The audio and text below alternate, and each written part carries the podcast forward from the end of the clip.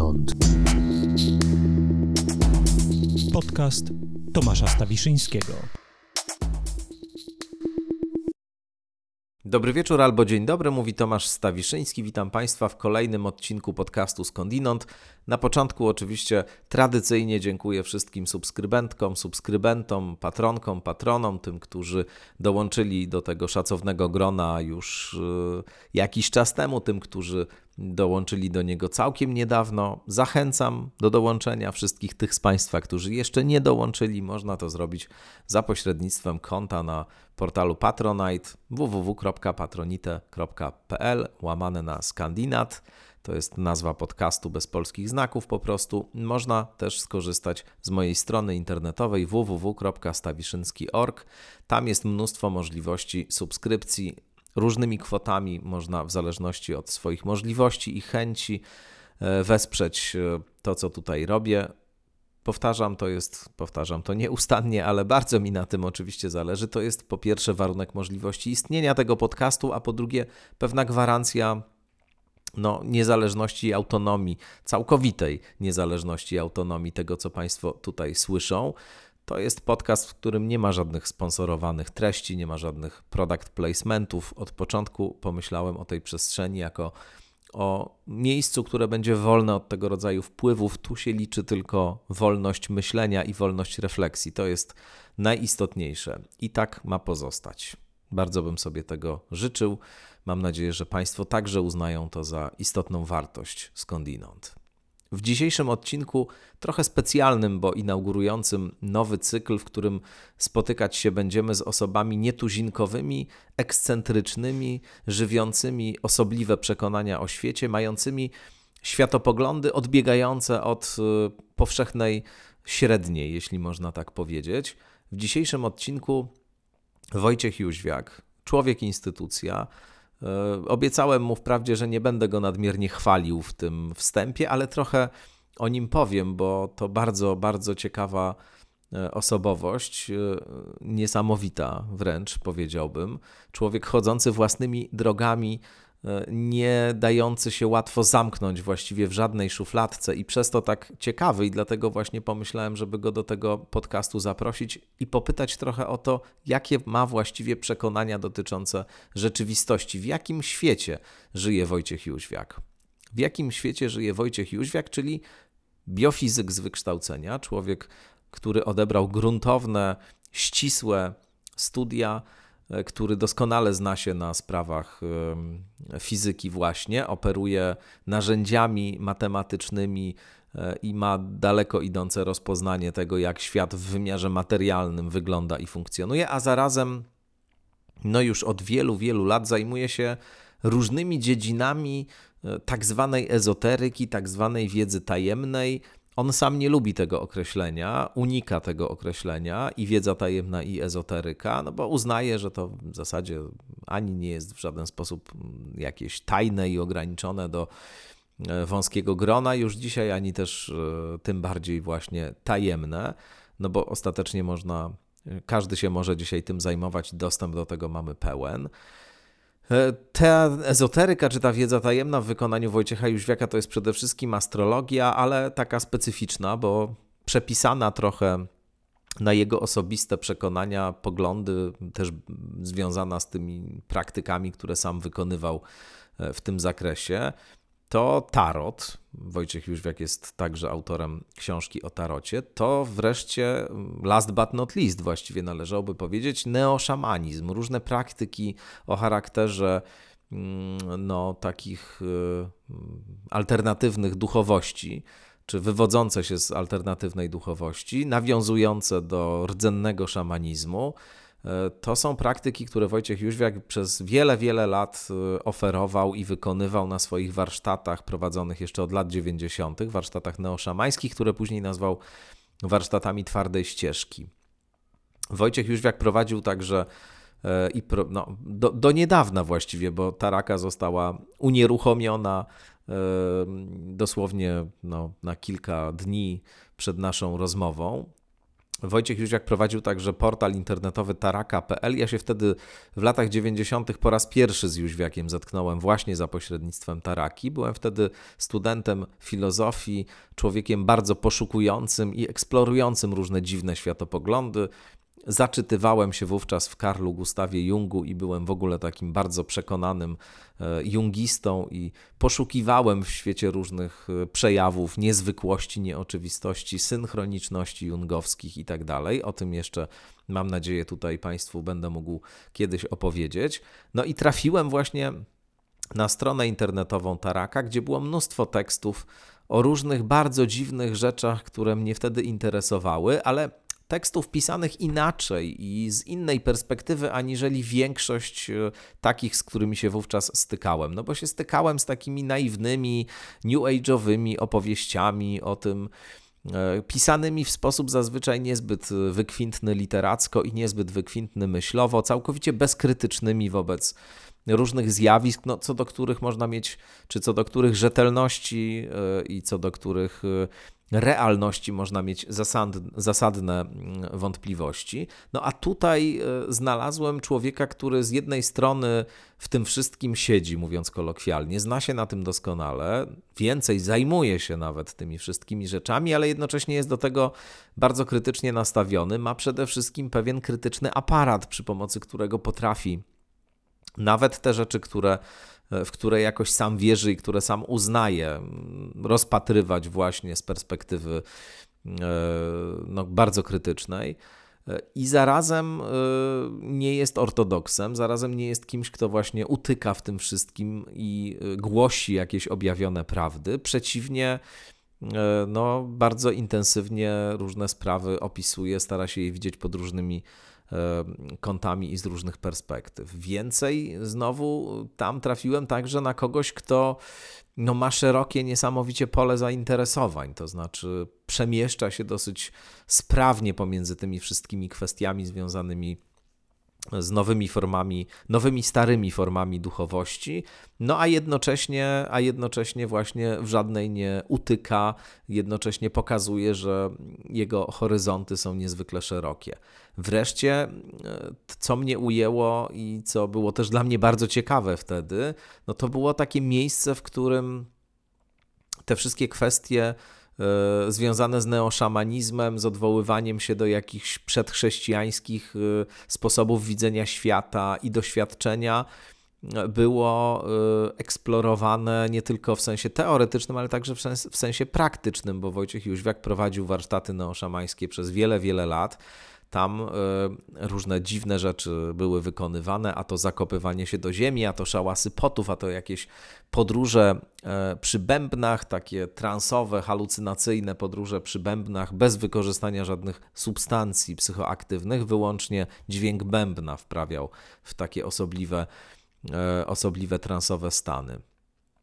No więc to wszystko zdawało mi się dość niesamowite i jakkolwiek mój punkt widzenia w tych sprawach zawsze był w najlepszym razie agnostyczny, to znaczy interesowały mnie te sprawy, nawet niektórymi się głębiej zajmowałem, czy głębiej starałem się je badać, ale zawsze miałem taką perspektywę postrzegania tego jako pewnego rodzaju fenomen kulturowy, jako pewne ćwiczenie wyobraźni, jako wyraz właśnie pewnego pragnienia usensownienia świata i uczynienia go e, rzeczywistością jakoś rozpoznawalną i zrozumiałą, aniżeli e, widziałem w tym jakiś empiryczny, czy, czy sprawdzalny, czy obiektywny opis.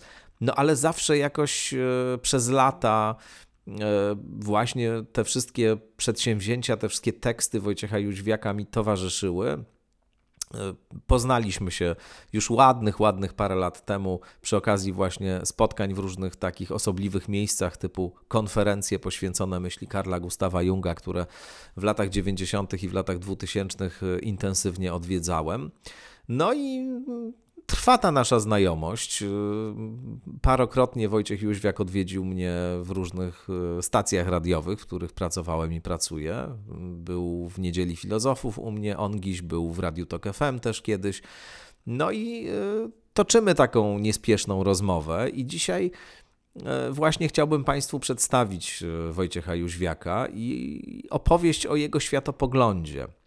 Jak powiedziałem, to będzie początek takiego cyklu, w którym różni ekscentrycy, tak sam Wojtek Jóźwiak siebie w tej rozmowie zdefiniował, różni ekscentrycy będą się pojawiać i osoby, które wybierają własną drogę i nie oglądają się na to, co myślą inni, tylko wypracowują sobie jakiś rodzaj własnego, niepowtarzalnego, oryginalnego, nieredukowalnego do niczego punktu widzenia na rzeczywistość. Ja tutaj y, od razu też powiem, że nie podejmuję w związku z tym żadnych jakichś specjalnych polemik z Wojtkiem Jóźwiakiem w tych sprawach, w których y, nie do końca się może z nim zgadzam. Nie staram się tutaj wykazać, że to wszystko jest przecież nieprawda.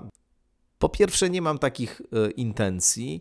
Po drugie, to nie temu służy ta rozmowa. Ta rozmowa służy temu, żeby zaprezentować kogoś, kto wydaje mi się niesamowicie e, ciekawym, e, osobnym, e, niezwykłym człowiekiem. No i właśnie chciałem, żeby opowiedział o tym, jak widzi swój świat, jak widzi rzeczywistość, w której żyje. To tak od razu mówię różnym osobom, które już wcześniej, przy okazji na przykład rozmowy o astrologii z Piotrem Piotrowskim, zarzucały mi, że ja tutaj byłem zbyt łagodny i nie zwalczałem tych y, przekonań. No więc y, ja w ogóle nie zamierzam za bardzo y, występować w roli kogoś, kto podejmuje jakieś straszne walki. Mogę zgłaszać swoje wątpliwości, przedstawiać argumenty, które wydają mi się przeważające na taką czy inną stronę ale wydaje mi się, że w ogóle założenie toczenia walki z kimkolwiek to już tak poza wszystkim, to do różnych komentarzy, które się pojawiały przy okazji różnych zresztą rozmów skądinąd, że toczenie walki, ten paradygmat wojny nie jest w ogóle dobry. To znaczy rozmowa i ta rozmowa, przynajmniej którą ja się staram uprawiać, to jest rozmowa, w której zakładam, że ktoś, z kim się spotykam, też y, tak jak ja, stara się świat rozumieć, stara się dążyć do tego, żeby znaleźć jakiś możliwie najbardziej adekwatny jego opis. No i po prostu wspólnie tą drogą podążamy, czasami się spierając, czasami mając odmienne zdania, czasami mając mm, wrażenie, że nasze argumenty są jednak lepsze niż argumenty kogoś, kto myśli inaczej, ale jednak przyświeca nam wspólne założenie, żeby poznać świat i poznać siebie. No i wtedy ten paradygmat walki jest moim zdaniem kompletnie bez sensu. Tak czy owak, przed Państwem teraz Wojciech Jóźwiak w tym pierwszym inaugurującym nieregularny cykl spotkań z naprawdę niesamowitymi, dziwnymi, często osobliwymi, niesłychanie interesującymi jednak zawsze postaciami. No właśnie, przed Państwem Wojciech Jóźwiak. Wojciech Jóźwiak, dzień dobry. Dzień dobry. Jak ty widzisz w ogóle współczesną epokę? Co to jest za moment y, w dziejach kultury, ludzkości? Wiem, że to takie na początek pytanie o bardzo, szerokim zasięgu. Bardzo dobre pytanie na początek. Ale, ale ponieważ czasem się interesujesz i, i, momentami historycznymi rozmaitymi, badasz je y, przy pomocy różnych narzędzi, o których też jeszcze tu będziemy mówić, no to zastanawiam się, jak ty w ogóle ten współczesny czas widzisz. Mm, już mówię. Y, nasz współczesny czas przy, przypomina następujące poprzednie epoki. Przypomina epokę renesansu, tego renesansu klasycznego, włoskiego, bo nasz to już trochę później jest tak, renesans. Następnie cofamy się o prawie 500 lat wstecz i mamy okres, yy, mamy okres kiedy yy, poszerzyła się cywilizacja Europy o Słowian, o Węgrów i o Skandynawię. To był taki kolejny skok. Mhm. Cofamy się o niecałe 500 lat wcześniej i mamy epokę odwrotną, to znaczy odwrotną z punktu widzenia cywilizacji, kiedy był upadek, nastąpił upadek Cesarstwa Rzymskiego na zachodzie, ale z punktu widzenia Europejczyków był to okres ich prosperity, mianowicie Germanie zajęli jakiś wielki kanał świata, odbierając go Rzymianom. Mhm. Jest też jakaś wielka przemiana. Cofamy się następne niecałe 500 lat i mamy epokę Cezara i Oktawiana, czyli szczyt, właśnie taki założycielski, może nie szczyt potęgi, ale taki założycielski okres Cesarstwa Rzymskiego. I cofamy się jeszcze o niecałe 400 lat i mamy Ateny Peryklesa. Co jest tym skokiem w czasie? Tym skokiem w czasie jest spotkanie Neptuna i Plutona. A i tu dochodzimy do tych narzędzi tak, właśnie, tak, o których powiedziałem. Tak, to są te narzędzia. To, jest, to, jest, to są cykle planet. Mhm. A nawet dokładniej to jest, o, znaczy to są szczegóły, znaczy jest to okres y, mniej więcej 100 lat po tej koniunkcji. My teraz mamy mniej więcej 100 lat po tej koniunkcji. Yy, znaczy nie chcę mówić o szczegółach, bo one i tak będą, nie, nie, nie przejdą przez kanał głosowy, trzeba by się poprzeć wykresami, ale jest taka prawidłowość, prawda? I ten okres, który mamy teraz, znaczy takiego cywilizacyjnego wzmożenia, podobnie jak te poprzednie, podobnie jak y, włoski renesans został y, skasowany przez epizod znany jako Sacco di Roma, czyli złupienie z Rzymu przez, przez wojska przybyłe za y, Alp więc każda ta epoka się kończy i nasza dobiega końca. Znaczy ta epoka wielkiej nowoczesności, tak to, no, taki proponuję, zaproponowałem kiedyś termin na to. Epoka wielkiej nowoczesności e, kończy się i około roku 2035-40 będzie należeć do przeszłości. Na czym to będzie polegało jeszcze nie wiem. Znaczy jak mhm. ta, to zejście do przeszłości się objawi. Mhm.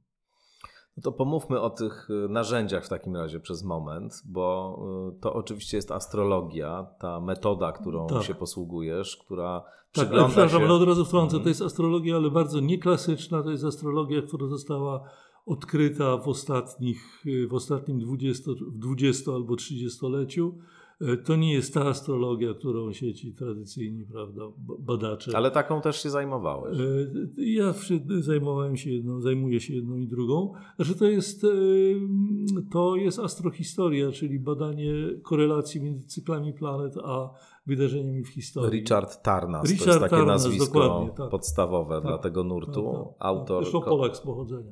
Jak no, jak, do tego no, nie wiedziałem. No, nazwisko ma polskie do tej pory używane. W, głównie gdzieś tam na południu w dawnej Galicji. Myślałem, że to może koincydencja.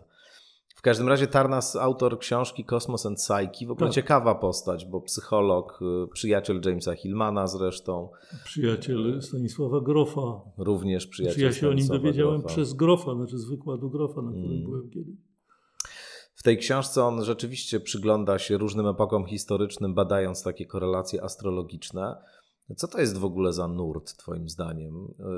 To jest także nurt, z którym Ty się identyfikujesz. No bo wyobrażam sobie, że jak nas słuchają teraz historycy, ale w ogóle jak słuchają nas racjonaliści różnego rodzaju, to e, stukają się w głowę w najlepszym razie, a uśmiechają się pobłażliwie w najlepszym, no bo...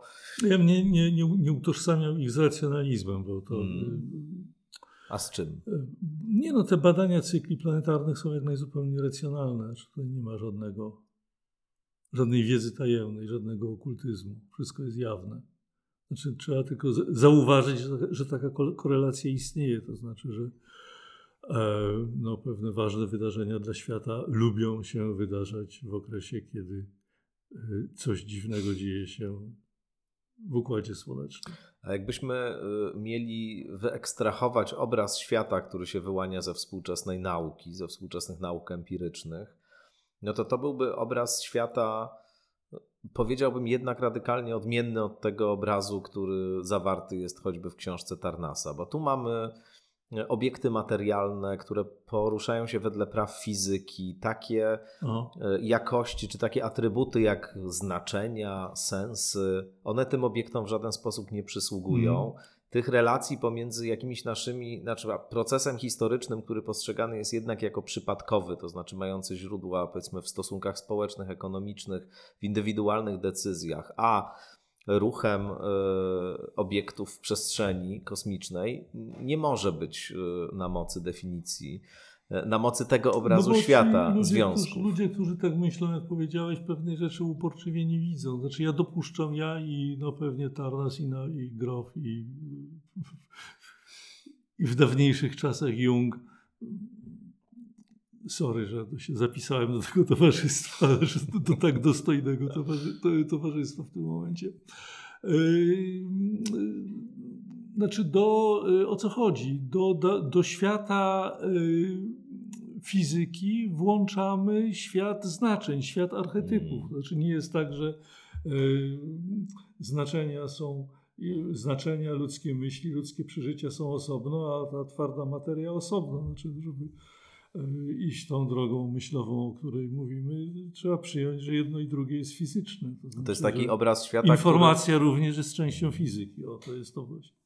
To jest taki obraz świata, który oświecenie odesłało do lamusa. No niby tak. tak. Ale on żyje. Tak. E, Ale niekoniecznie musi przybierać formy świrowate. Mhm. No właśnie, bo to mnie, mówiąc szczerze, najbardziej interesuje, ta kwestia obrazu świata, tego jak y, widzisz rzeczywistość ty, a jak widzi rzeczywistość na przykład taki naukowiec współczesny, który zupełnie nie interesuje się tymi kwestiami, albo uważa, że one zostały definitywnie e, zdemaskowane jako przesądy, mity, jako być może wyraz jakichś naszych pragnień psychologicznych. Mówię to też jako człowiek, który jest pośrodku, tak, rozdarty. To znaczy, z jednej strony bardzo do mnie przemawia e, nauka i dostrzegam no, potężną siłę taką eksplanacyjną współczesnej nauki. E, w jakimś sensie widzę świat jako taki bezsensowny i poskładany z zupełnie takich przypadkowych elementów i, i e, człowieka jako kogoś, kto sobie ze wszystkich sił próbuje jakoś w tym bezsensie skonstruować jakiś sens. Trochę tak się czuję. Z drugiej strony mam jakiś rodzaj y, głębokiego zainteresowania tymi sprawami, o których rozmawiamy i jakiegoś nawet poczucia intuicyjnej takiej łączności z tymi y, światopoglądami, które jednak dostrzegają pewną harmonię w świecie wewnętrznym i zewnętrznym, w tym co na górze i w tym co na dole. I trochę tutaj przychodzę do ciebie, żebyś mnie tak trochę na swoją stronę przeciągnął. Ja tutaj jedno zdanie mam do dodania. Nigdzie nie jest powiedziane, że archetypy planetarne w jakikolwiek sposób o nas dbają. A to jest Znaczy, istotna nigdzie uwaga. nie jest powiedziane, że należy w nich pokładać jakąkolwiek nadzieję. Hmm.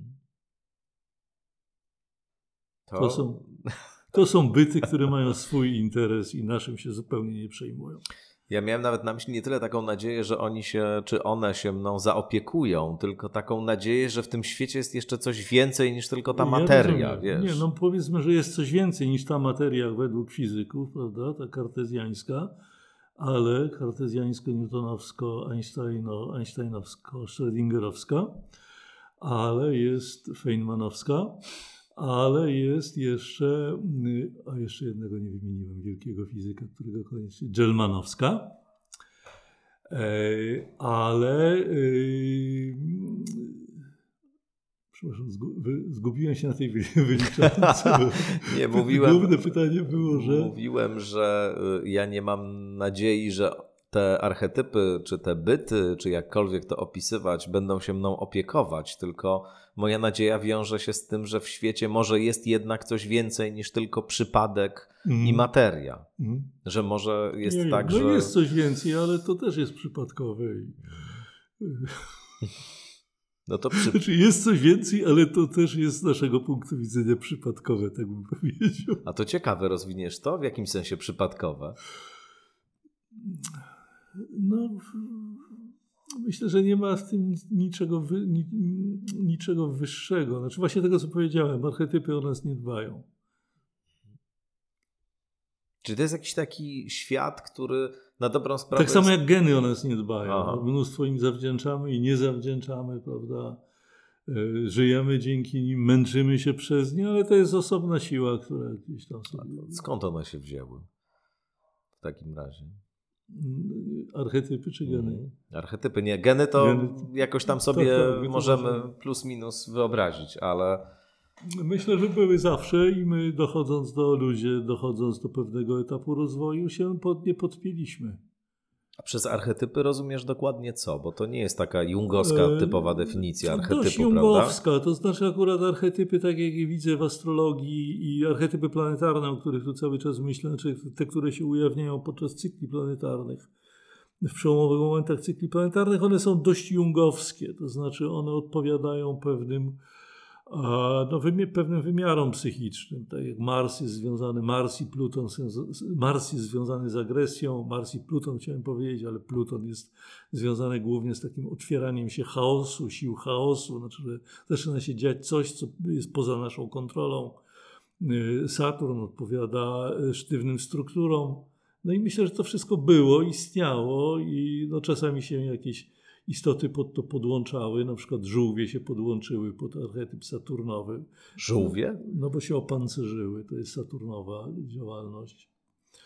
albo takie słonie poszły w Jowisza, czyli w, w rozrost i w machanie trąbami i w to, że nikt ich nie zatrzyma, że każdy musi im ustępować. To jest archetyp jowiszowy.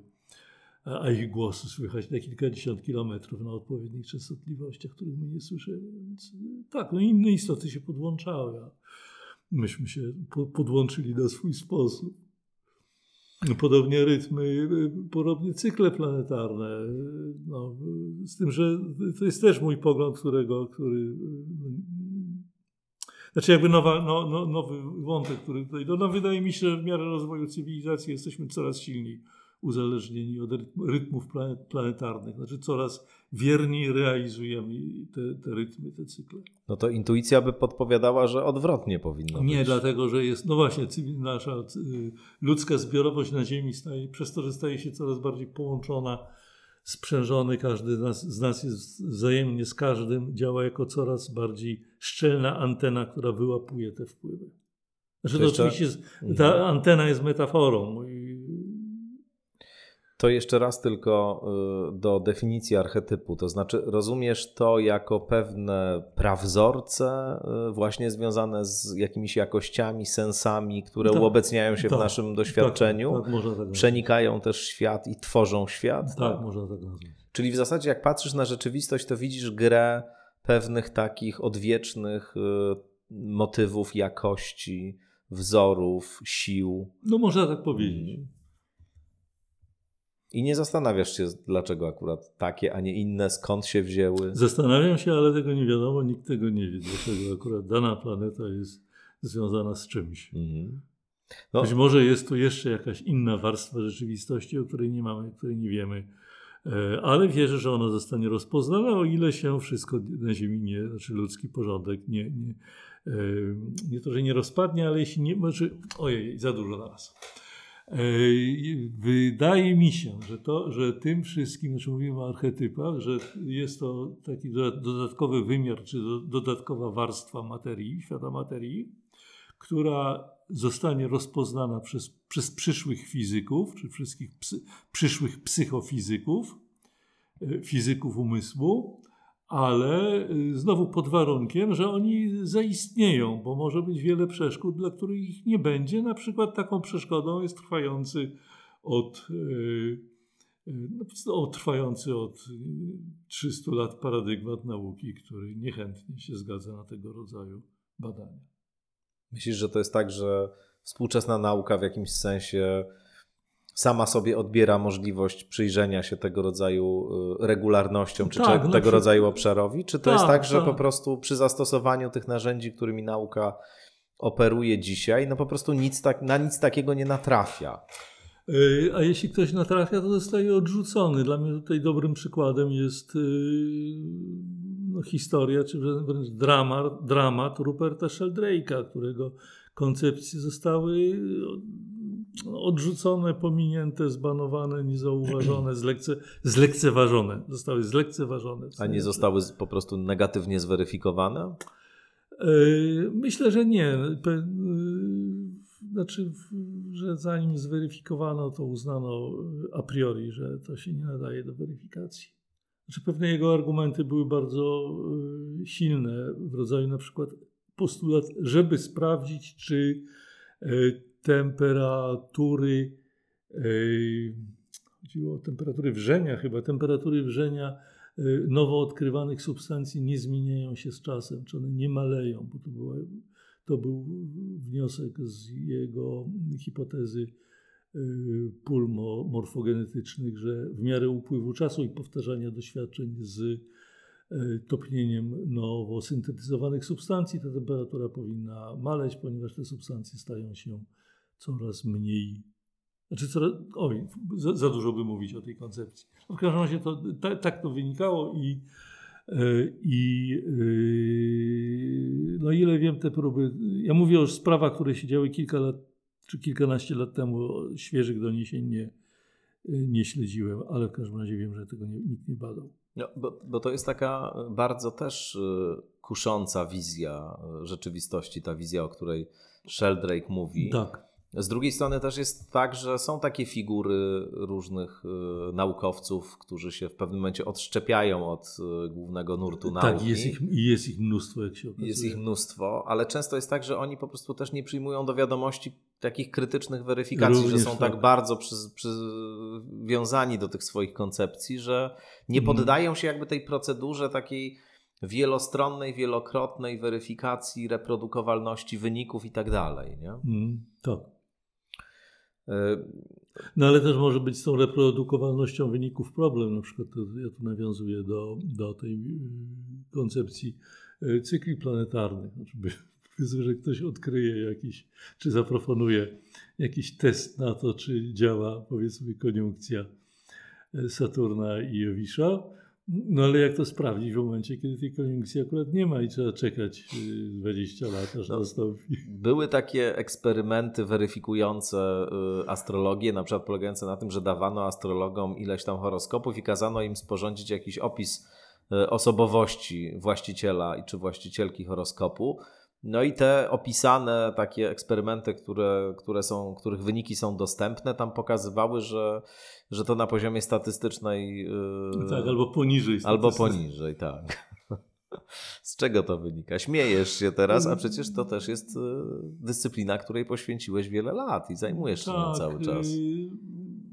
Ale to cię nie martwi chyba. Nie, nie martwi tak? mnie, dlatego że mam wrażenie, że te wszystkie testy na y, y, testy na krytykę, na y, unieważnienie astrologii, one są, one są wadliwe, znaczy większe, te, które inaczej, te, które znam są wadliwe. Mhm.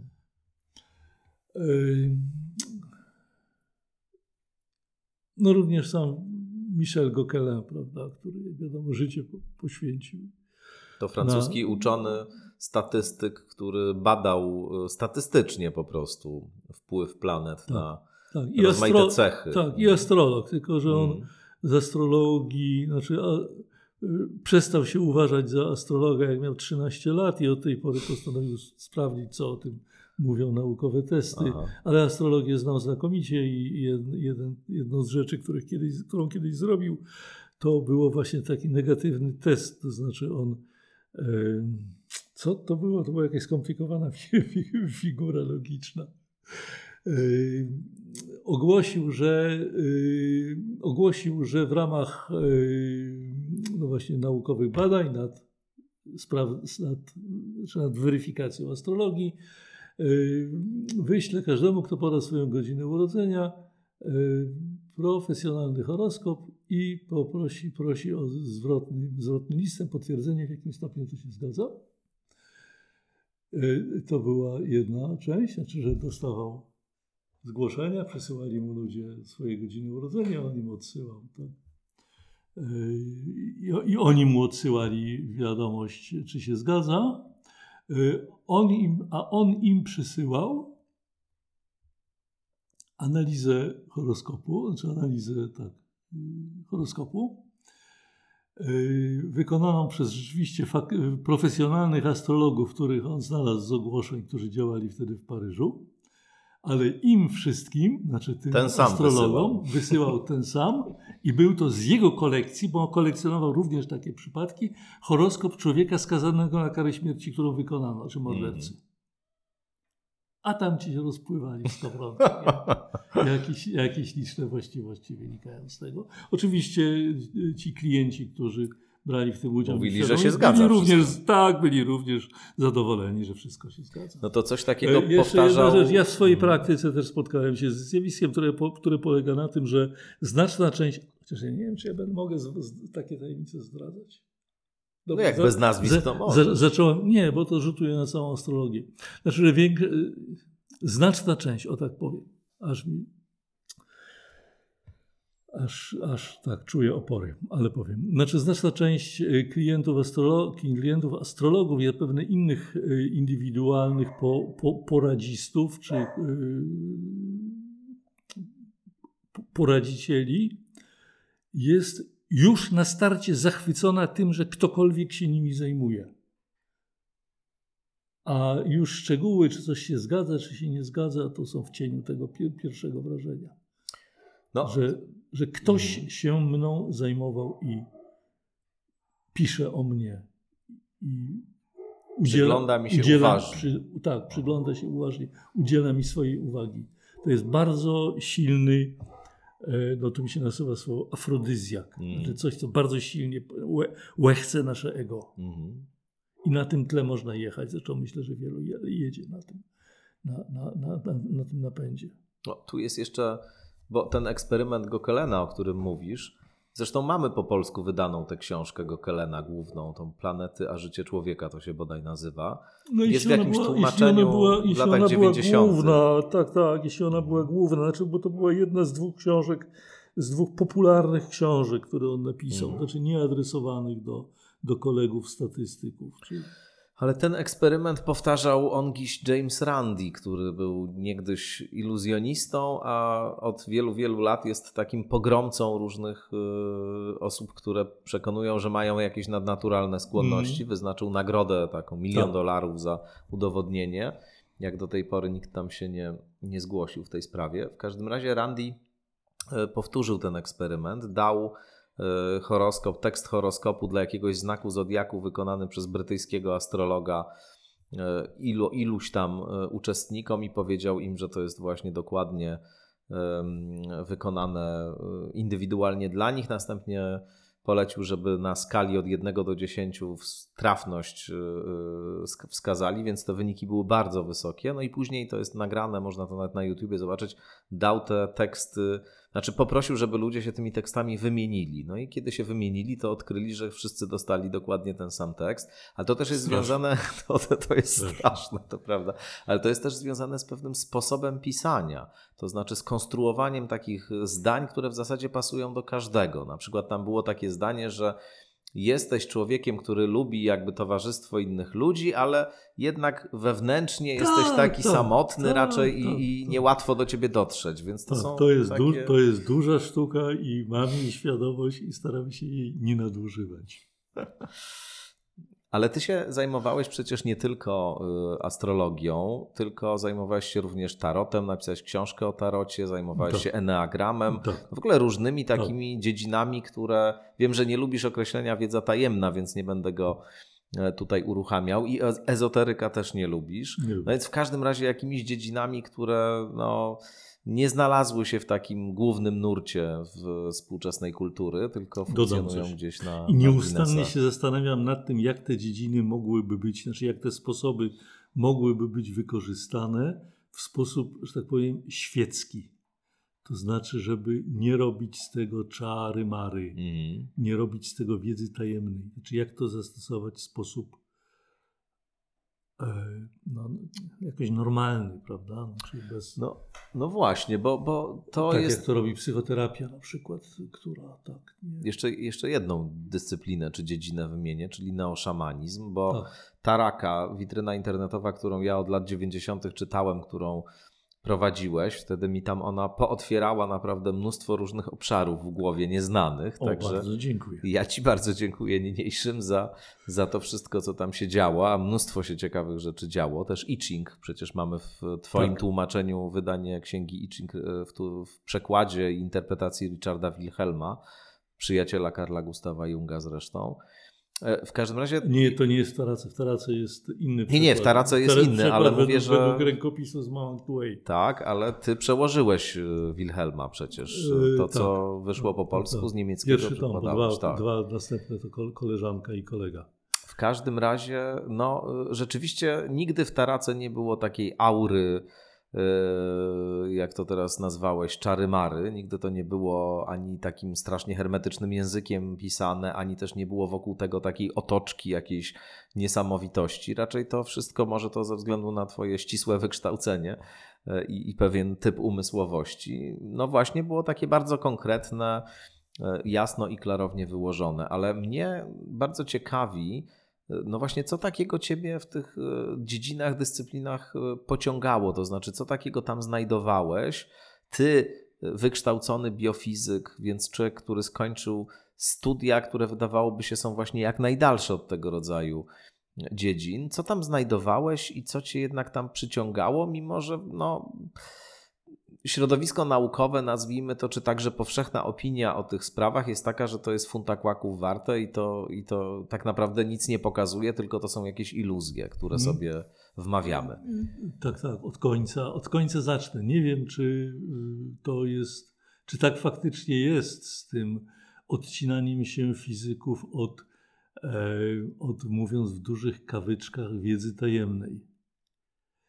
E, Przynajmniej oficjalnie. Oficja, oficjalnie tak, natomiast jeżeli myślę zajrzeć pod ten płaszcz oficjalny, to tam się znajdzie wielu dziwnych e, szukaczy.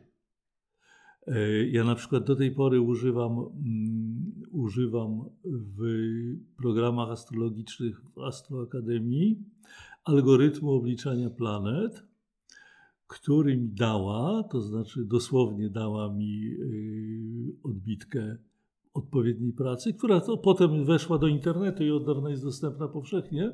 Znaczy właśnie odbitkę pracy, w której ten e, algorytm tam z, z całymi tabelami parametrów, prawda, kilkaset, które trzeba wprowadzić do komputera, e, dała mi znajoma, która to zrobiła pod warunkiem, czy ob, obkładając to klauzulą, której do tej pory nie, nie naruszę, to znaczy nie zdradzę jej, jej tożsamości, ponieważ była z zawodu astronomem, czy astronomką, no astronomowie nienawidzą astrologów, przynajmniej nie robili tego 20 Rozumiem, że ona temu. po godzinach się astrologią Tak. zajmowała. Tak, myślę, że zajmuje się do tej pory. Mhm. Myślisz, że wielu jest takich? No tak. O. No a y, mm, profesor Arkadiusz Jadczyk, y, on ostatnio jest mniej aktywny, ale kiedyś jego blog to było, no to była kopalnia wiadomości, który właśnie jed, jakby jedną ręką pisał fachowe i bardzo hermetyczne prace z, z fizyki teoretycz, teo, teoretycznej, a drugą ręką obserwował, co się dzieje w,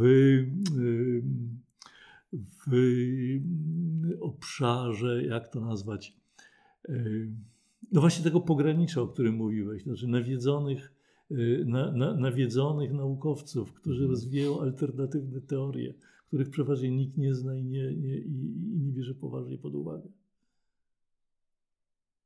No, I od już- niego się masy rzeczy Aha. dowiedziałem właśnie z takich, z takich pogranicz.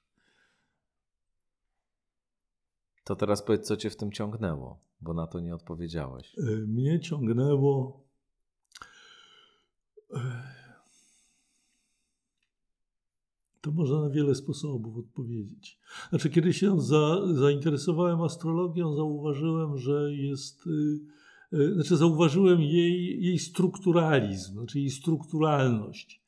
I pewien porządek, który, y, no właśnie taki matematyczny, geometryczny porządek, który y, bardzo przypomina to, czym, z czym mają do czynienia fizycy, kiedy tak opisują różne zjawiska, a który dotyczy naszych zachowań, który dotyczy naszego myślenia, naszego, y, naszej psychiki, naszych zachowań, naszego widzenia świata, że to wszystko można również podciągnąć pod pewne, pewne schematy. Y, Co robili i robią nadal y, strukturaliści w naukach humanistycznych. Znaczy zostało no teraz to jest taka oczywistość, prawda? A kiedy się tym zainteresowywałem, też to nie było takie oczywiste, zwłaszcza w Polsce. Jeszcze strukturalizm był rzeczą młodą. Yy, No ale tak, dla mnie to właśnie było, był sygnał, że, yy, znaczy, że astrologia, astro, astrologia czy astro, i astrologowie, ale także yy, inni wróżbici, nie całkiem świadomie, nie bardzo wiedząc, czym się zajmują, produkują takie strukturalne czy strukturalistyczne modele świata. Bo żeby wróżyć, to trzeba mieć, właśnie inaczej, Y, Wróżbici są y, tymi, którzy są najbardziej zainteresowani zbudowaniem i posiadaniem całościowego modelu świata. Mhm. Wobec tego oni to zrobili, nie bardzo wiedząc, co robią. I dopiero ja, mając w głowie strukturalizm, teorię grup, mechanikę kwantową, inne takie rzeczy, zauważyłem, że y, y, w transformatę Fouriera, inne takie rzeczy. Reprezentacje, reprezentacje grup, którym podlegają funkcje falowe w związkach chemicznych i, i w ciele stałe, z zauważyłem, że jest to coś bardzo podobnego. No i to mnie wciągnęło. A nie bałeś się, że to jest właściwość twojego umysłu? To znaczy, że no nie, no jeszcze, żebym się umysł- swojego umysłu bał, to już przesada. że to umysł y, chce dostrzegać te regularności. To przecież skądinąd jest y, stwierdzone już, że mamy taką tendencję, że chcemy wszędzie widzieć te regularności. Ewolucyjnie jest to uzasadnione. To no po jest to, bardzo, lepiej. to jest bardzo cenna właściwość. No pewnie, że tak. Ale czasami może nas wywieźć w pole i może być tak, że właśnie my mnóstwo takich prawidłowości dostrzegamy i połączeń w świecie, których tam nie ma. Tak No tak, no kanały na Marsie są. Mhm. No.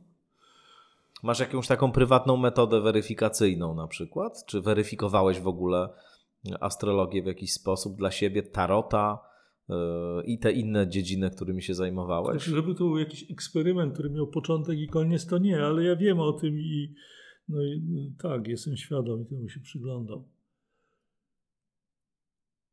Mm, Teraz prowadzę taki cykl od ponad roku y, w ramach Astroakademii y, webinariów na temat kolejnych punktów harmonicznych w Zodiaku. Znaczy to są punkty, tak jak znaki Zodiaku, w Zodiaku zaczynają się od kątów. Mogę parę minut temu poświęcić? Proszę bardzo, to taka tak rzucę hasło, wyższa szkoła będzie- jazdy trochę generalnie. Trochę tak, tak. Znaczy w, za, w Zodiaku są cztery punkty kardynalne. To jest punkt barana, punkt raka, punkt wagi, punkt koziorożca. To są punkty, od których zaczynają się te znaki i w tych miejscach e, coś realnie się dzieje na niebie, mianowicie Słońce przechodzi z- w znaku barana, Słońce jest w momencie wiosennej równonocy, w, punkcie wagi w momencie równonocy wiosennej i w odpowiednich punktach zimą i latem w raku i w punkcie raka i w punkcie koziorożca. I te punkty są, znaczy one mają pewne y, realne zaczepienie o geometrię y, Układu Słonecznego, geometrię Ziemi w kosmicznym otoczeniu. Y, I te punkty są najważniejsze. Znaczy dla astrologii są najważniejsze, a początki następnych znaków Zodiaku są tam, gdzie y, jest 120, kąt 120 stopni od któregoś punktu kardynalnego. Na przykład y, znak lwa zaczyna się od punktu, który jest pod kątem 120 stopni do, do punktu barana, czyli punktu zero znaku barana, czyli tego punktu wiosennej równonocy. To jest taki elementarny wstęp, ale równie dobrze można skonstruować układ punktów, które leżą pod innym kątem do punktów kardynalnych. Yy, No i to są te punkty harmoniczne, o których mówię, których jest razem, których jest wszystkich razem ze znakami zodiaku i razem z punktami kardynal- kardynalnymi 52. I mając horoskop, yy, kosmogram, który jest oparty na takim tle 52 punktów, a nie 12, mamy dużo lepszy wgląd w, w osobowość człowieka urodzonego albo w wydarzenie, które się dzieje w tamtym momencie. No i to webinarium polega na tym, że ja co tydzień omawiam kolejny punkt y, harmoniczny, jeden z tych 52. Jesteśmy w tej chwili już przy y, 25 stopniu koziorożca, gdzie leży punkt y, harmoniczny wodny, mający pewne cechy znaków raka, a także ryb i koziorożce urodzone w tym miejscu y, po, w, w połowie mniej więcej stycznia mocno różnią się od tych typowych. Y, I y, po co to wszystko mówię? To znaczy a propos tego testu, czy to nie jest czasem widzenie przez nas zbyt wiele? No właśnie staram się to od, odfiltrować. To znaczy, żebyśmy nie popadli, znaczy ja i moi słuchacze, żebyśmy nie popadli w przesady widzenia za wiele i przed tym nieustannie ostrzegam. Znaczy widzenia, za, za, widzenia zbyt wiele w, w, w, o, w historiach i w osobowościach ludzi, którzy urodzili się mając tam na przykład Słońce albo Księżyc. Znaczy pokazuje, że również te same cechy widać poprzez inne elementy zodiaku, na przykład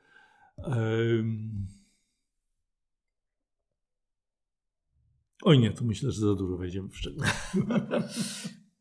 Słuchaj, a czy nie masz, e, to jeszcze tak kontynuując ten wątek, czy nie masz, e,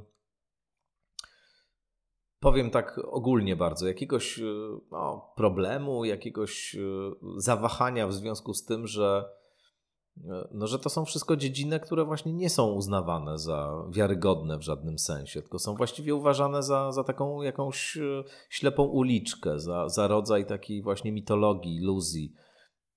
Dla mnie to jest bardzo ciekawe, to znaczy ciekawe jest to połączenie e, Twojego e, ścisłego wykształcenia, Twojego takiego bardzo rzetelnego, mm, trzeźwego, powiedziałbym, racjonalnego sposobu myślenia, e, właśnie tych wszystkich dziedzin, które też traktujesz no, na bardzo swoisty, własny sposób, bo tak i twoja astrologia, i twoje rozumienie kart tarota, i twoje rozumienie eneagramu, one mają istotne, indywidualne cechy. To są takie przetworzone przez Wojciecha Jóźwiaka e, systemy.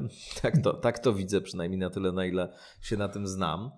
E, no, e, to połączenie jest bardzo ciekawe, a zarazem, a zarazem no, to jest takie miejsce w kulturze, to, gdzie te wszystkie nurty się przecinają i to miejsce, w którym ty jesteś, które no bywa traktowane bardzo pobłażliwie, bardzo, bardzo krytycznie też, jako coś, co tak. jest po prostu wyciąganiem od ludzi pieniędzy za jakieś bzdury. Tak. I w tym, co mówisz, się, się, mieszczą yy, dwa niebezpieczeństwa tak. na przyszłość. Niebezpieczeństwo pierwsze jest takie, że przez naukę, tę, tak ją, jak ją tu rozumiemy przez duże N, yy, wszystkie te sprawy, cały mój dorobek również, zostaną odrzucone lub hmm. zlekceważone. To jest to, na co A, a parę ładnych książek napisałeś. Tak, to jest jedno niebezpieczeństwo, ale jest też niebezpieczeństwo z drugiej strony, mianowicie, że przez ezoterykę, która wbrew swojej nazwie jest dziedziną hałaśliwą i żarłoczną, też zostaną odrzucone. Nie, zostaną pożarte. A pożarte jeszcze Zostaną gorzej. pożarte. Zostaną przetworzone na taki sam miałki surowiec, na takie same miałkie mięso, jak no nie wiem, ostatnio to, co ktoś pisał w Tarace w komentarzu objawienia pewnej pani z nieżyjącej już z Nowej Huty, które, przez którą przemawiał, e, która była channelem dla e, świętego ojca Pio. Znaczy Pio przemawiał przez nią jako przez channel. Przez 30 lat podobno tak, tak robił i zaczął jeszcze za życia. Wow. Śmierć mu nie przeszkodziła. Więc zostanie to wmieszane w podobną w masę podobnych rewelacji ale y, wiele lat temu zauważyłem to niebezpieczeństwo i dlatego postuluję powołanie nauki, która powinna powstać i nie ma żadnych przeszkód, żeby nie, nie, że nie widzę żadnych przeszkód z niczyjej strony, znaczy tylko e, pewna sztywność umysłów w strukturach, w strukturach e, finansujących naukę. Mianowicie postuluje po, powołanie nowej, takiej pod, podnauki, nie nauki, podnauki, która by się nazywała, yy, nazywała neoetnologia. I tak jak etnologowie zajmują się yy, dziwnie myślącymi, zanikającymi mniejszościami gdzieś tam w Gujanie albo w Ekwadorze, yy, czy Papui Nowej Gwinei, to ci powinni się zajmować inaczej myślącymi środowiskami w naszym miejskim świecie, miejskim, wiejskim, no tymi urban legend, urban savanna, urban shamans i tak. Znaczy, żeby wejść między nich, wśród tych właśnie słuchających również objawień Ojca Pio przemawiające ustami pani Krystyny. Pojedynczy tacy Huty. naukowcy, naukowczynie są, którzy są, się zajmują tak, takimi ja, to, ja na to wpadłem, czytając książkę, tylko żebym sobie przypomniał imię i nazwisko, bo sobie nie przypomnę, że pewnego francuskiego autora polskiego pochodzenia i z polskim nazwiskiem, który y, analizował y, przypadek Denikena. I... Wiktor Stoczkowski. Wiktor Stoczkowski, oczywiście. Świetna Wiktor książka. Świetna książka, przyznaję ale książka, która jednak ma, została opatrzona, została opieczętowana takim naukowym jadem. I ten jad jest bardzo wyczuwalny. To znaczy, on się nabija, on sobie jaja robi ze swoich przedmiotów badań. Tymczasem nie. Do tego przedmiotu badań trzeba podchodzić z szacunkiem. Ja tylko powiem, że. Tak on... jak z szacunkiem podchodzą, podchodzą, po, po, podchodzą naukowcy do, do tych, którzy wierzą, że y, tam któryś czarownik się zamienia w jaguara. Nawiasem mówiąc, e, na tę książkę trafiłem po lekturze Twojego tekstu poświęconego A, tej książce. I kupiłem ją sobie natychmiast. A to jest książka, w której on pokazuje, i to zresztą bardzo ciekawie robi, rozlegle, że te wszystkie nurty popularne w XX wieku, jak Deniken, Robert Charroux, właśnie te opowieści o tym, że ludzkość z kosmosu przybyła, to jest wszystko zasługa Heleny Bławackiej, że w istocie w teozofii i, i u Bławackiej mamy te wszystkie wątki już e, tak. później obecne w New Age'u. Potem u Steinera. Dokładnie. Ucznia Bławackiej jakoś pośrednio. Tak. Tak, tak, ale to ma swoje no, starsze, tak, no, legendarne, prawda, mitologiczne wzorce. Mm. Trwa. Dodajmy do tego. Dodajmy do tego krajobrazu jeszcze rzeczy, którymi się zajmujesz. Yy, Neoszamanizm. To jest też taki wątek, który był bardzo yy, silnie obecny w tej tarace w latach 90. i ty wtedy bardzo dużo organizowałeś różnych warsztatów yy, tego rodzaju. Yy, Dzień Niedźwiedzia na przykład regularnie przez wiele lat. To może brzmieć W tym właśnie... roku też robiłem. No tak, to zaraz o tym opowiesz. e, Zaraz opowiesz, to ciekawe. Za czasów, nie, to jeszcze prepandemiczne, bo to w lutym, prawda? Nie, w ostatniej chwili zdążyliśmy przed pandemią.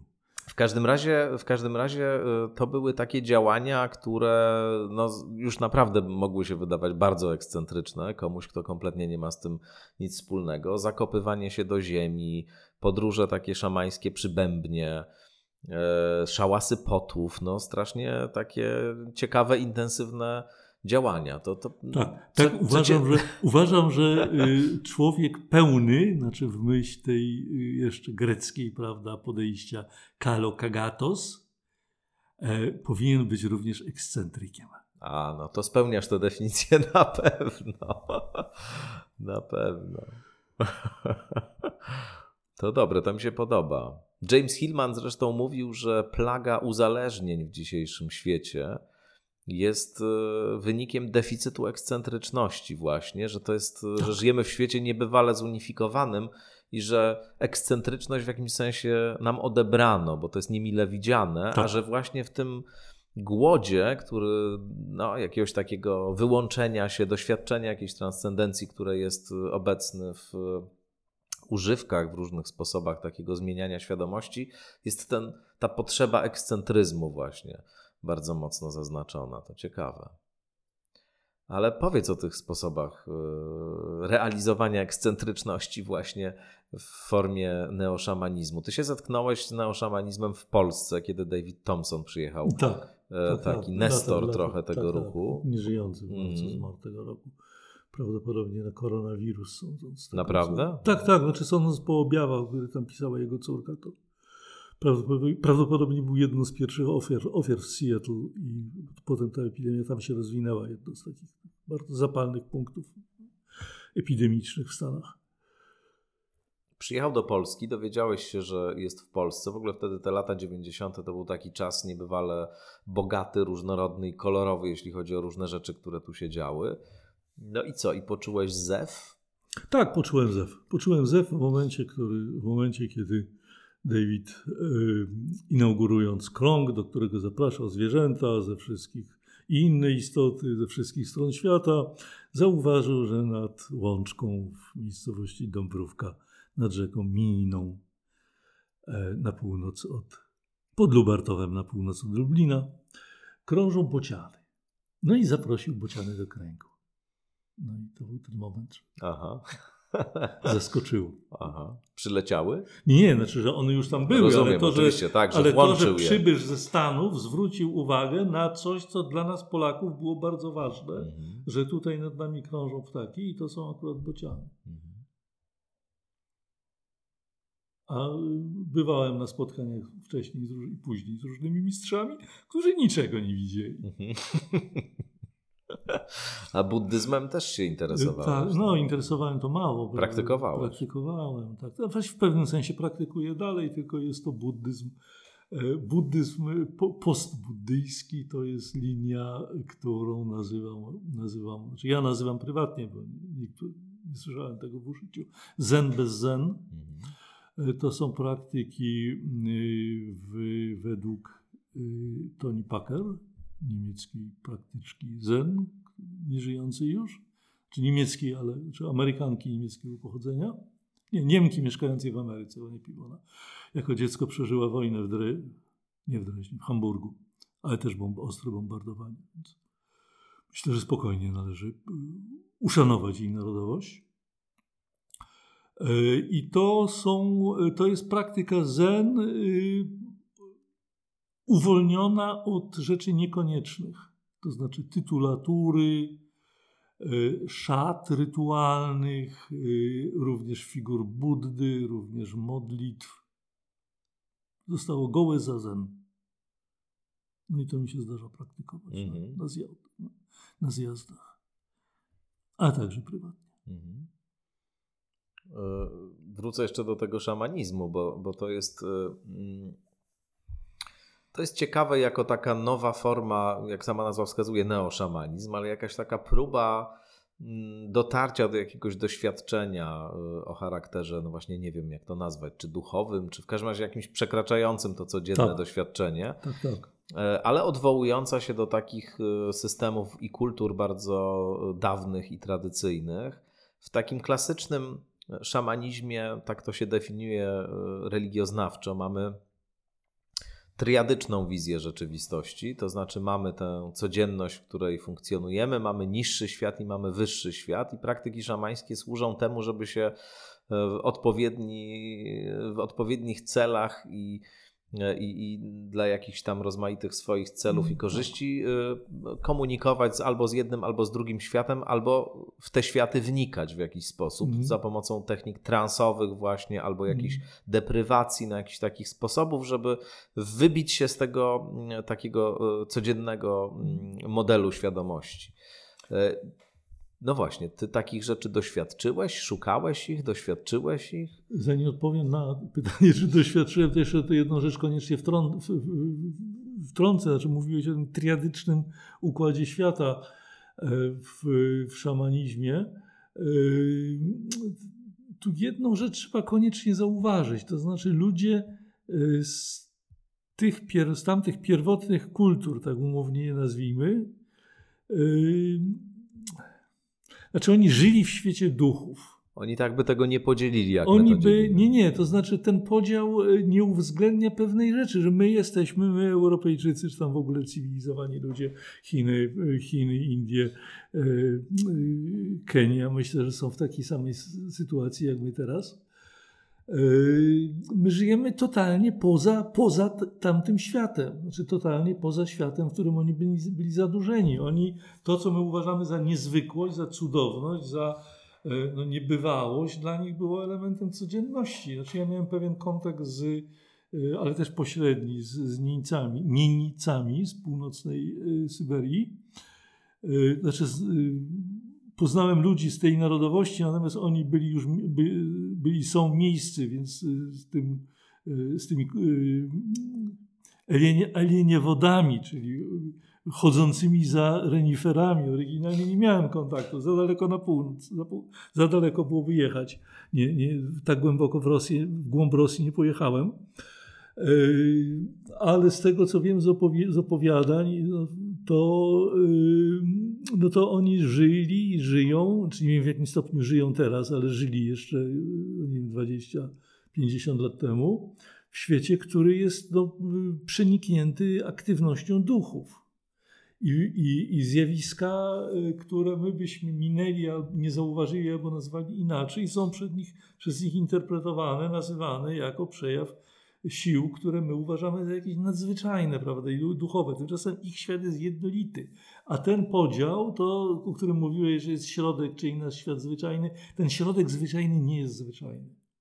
Znaczy dla ludów żyjących, tych no, umownie pierwotnych, ten środkowy świat nie jest zwyczajny, a z naszego punktu widzenia jest absolutnie niezwykły. Mhm. Że to jak jest, jak jest niezwykły świat podziemnych mocy, które zwykle są przynajmniej na Syberii złe, i świat mocy niebiańskich, które są takie raczej dobre, y, to ten świat środkowy nie jest, nie jest codzienny. On jest też pełen mocy, które dla nas są niezwykle, niezwykłe, a dla nich są, są elementem, elementem tego świata, ich świata.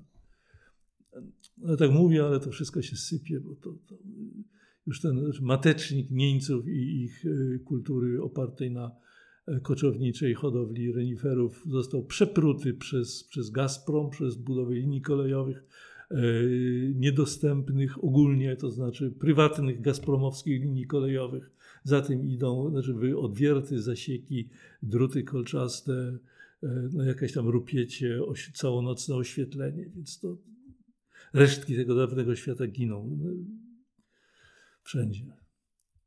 A, a duchy istnieją? Nie wiem, co robią duchy w tej sytuacji. Trzeba by jechać na przykład pod, pod, pod, pod Bełchatów i sprawdzić, jak się mają tamtejsze duchy. Ale, ale w ogóle pytam, czy one są według ciebie? Czy duchy istnieją? Y, No, Jako według- neoszamana cię pytam. No są. No, jako Tak? neoszaman oczywiście że odpowiadam, że są. Tak, tak, nie, no są duchy. Tylko trzeba umieć im się przy, umieć je zauważyć.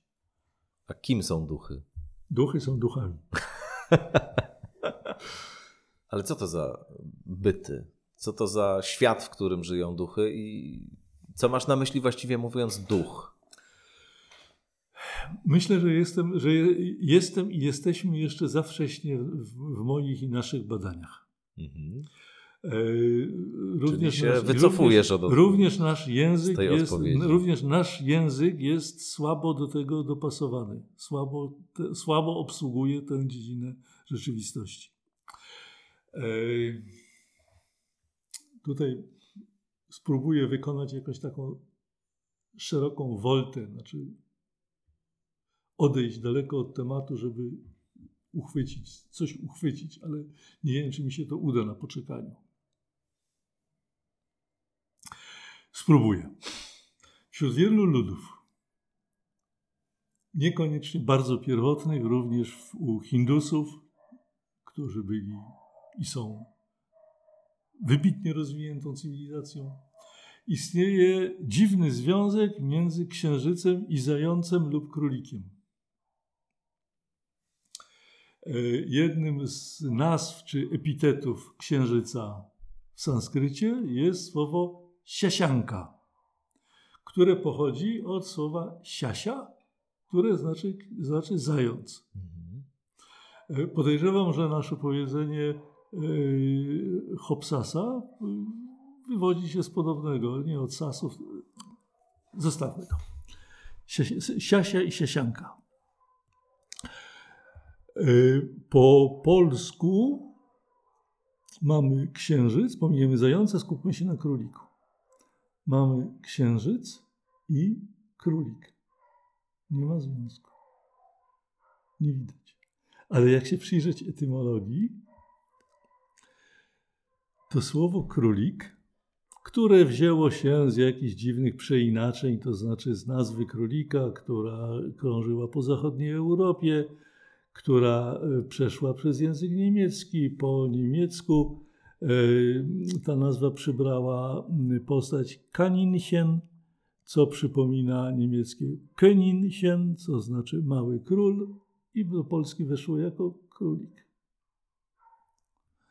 Z drugiej strony słowo księżyc jest też pochodzenia niemieckiego, e, chociaż w niemieckim nie ma tego skojarzenia między księciem i księżycem, ale słowo, czy słowo książę pochodzi od y, niemieckiego, czy w ogóle z tej germańskiej linii, z, tej, z tego linearzu germańskiego, gdzie jest king, gdzie jest könig, e, po polsku ksiądz, kynię- kynięgie, jakieś było, w, w, brzmiało to słowo w, w, dawnym słowiańskim, z tego nasze ksiądz, zdrobniały książę. A jeszcze bardziej zdrobniały księżyc, syn księcia. E, I w ten sposób w języku polskim doszło do ponownej asocjacji, ponownego upodobnienia się słów, znaczy te dwa słowa przyciągnęły się poprzez dziwne, y, oba są pochodzenia niemieckiego, one przeszły przez niemiecki jako tam pewne medium, y, spotkały się po polsku i okazało się, że y, zupełnie nieświadomie królik i księżyc, jedno i drugie pochodzi od króla lub księcia, od władcy. Zeszły się te słowa. Y, No co tu zadziałało? To jest Duchy? Przykład, tak, Duchy? to jest przykład działania ducha. To jest przykład działania rozproszonego umysłu. To znaczy jakiś, no właśnie, no w sposób nie, niewidoczny, y, nie, niewidoczny, nieuchwytny, y, podobnej ewolucji pewnych ciągów przyczynowo-skutkowych.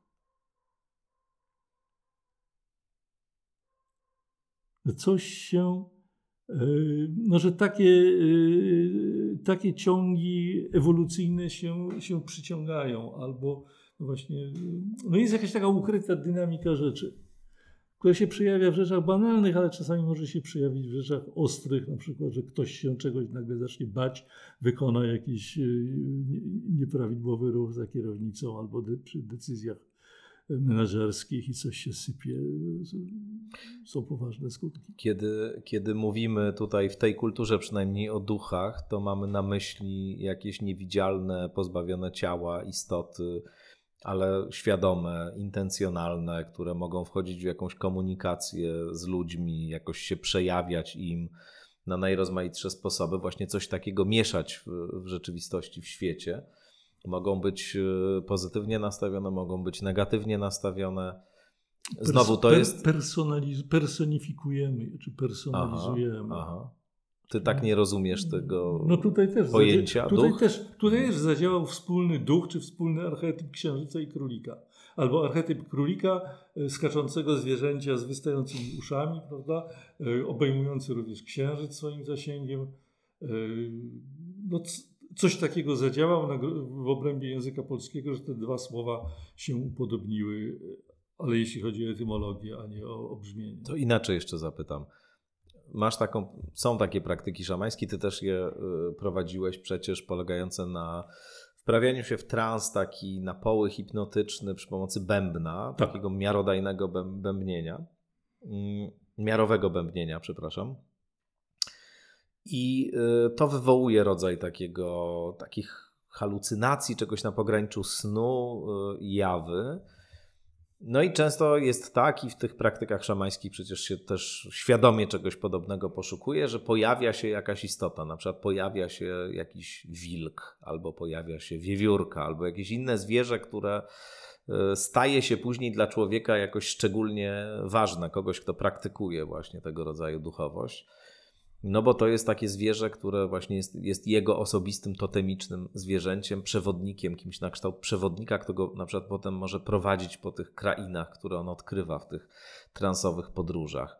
To taki wilk albo wiewiórka, to one istnieją poza głową kogoś, kto bębni, kto przy bębnie podróżuje, czy e, istnieją tylko w tej głowie?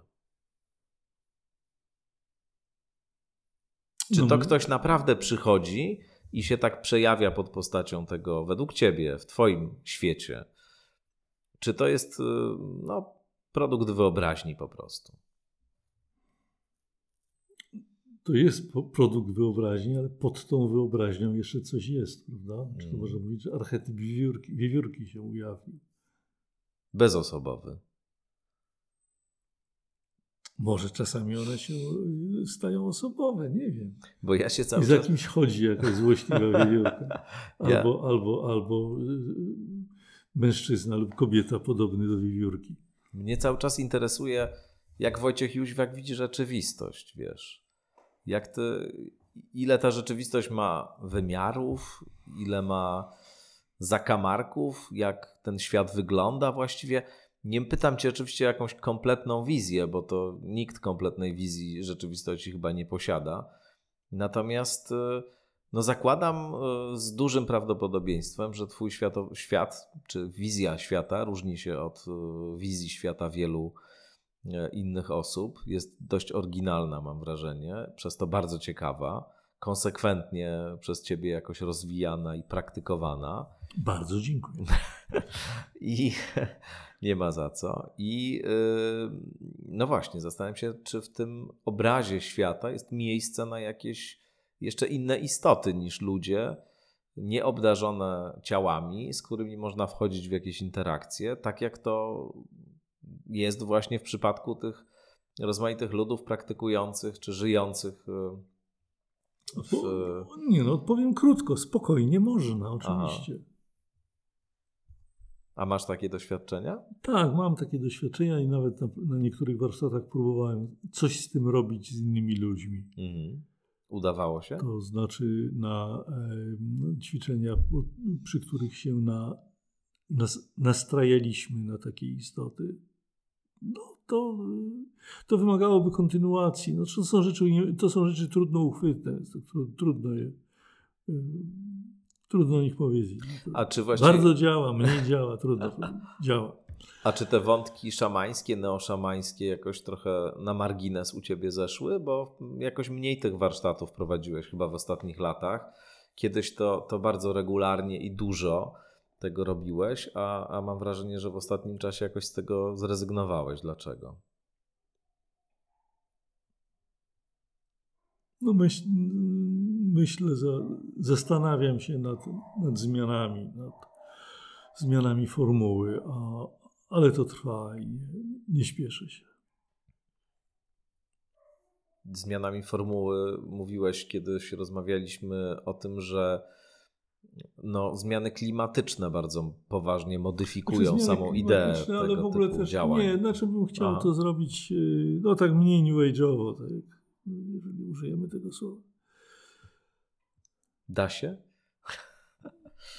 Możliwe, że się da, ale to A, a, teraz, czego, teraz jeszcze niewiele powiem. a czego ty poszukujesz właściwie w świecie? W życiu? Oj, zadajesz mi takie pytanie, że nie, nie wiem, czy ktokolwiek odpowie. Nie pytam, wiesz, co tam jest tak naprawdę, tylko właśnie czego szukasz. Jakbym umiał to nazwać, to już bym to znalazł.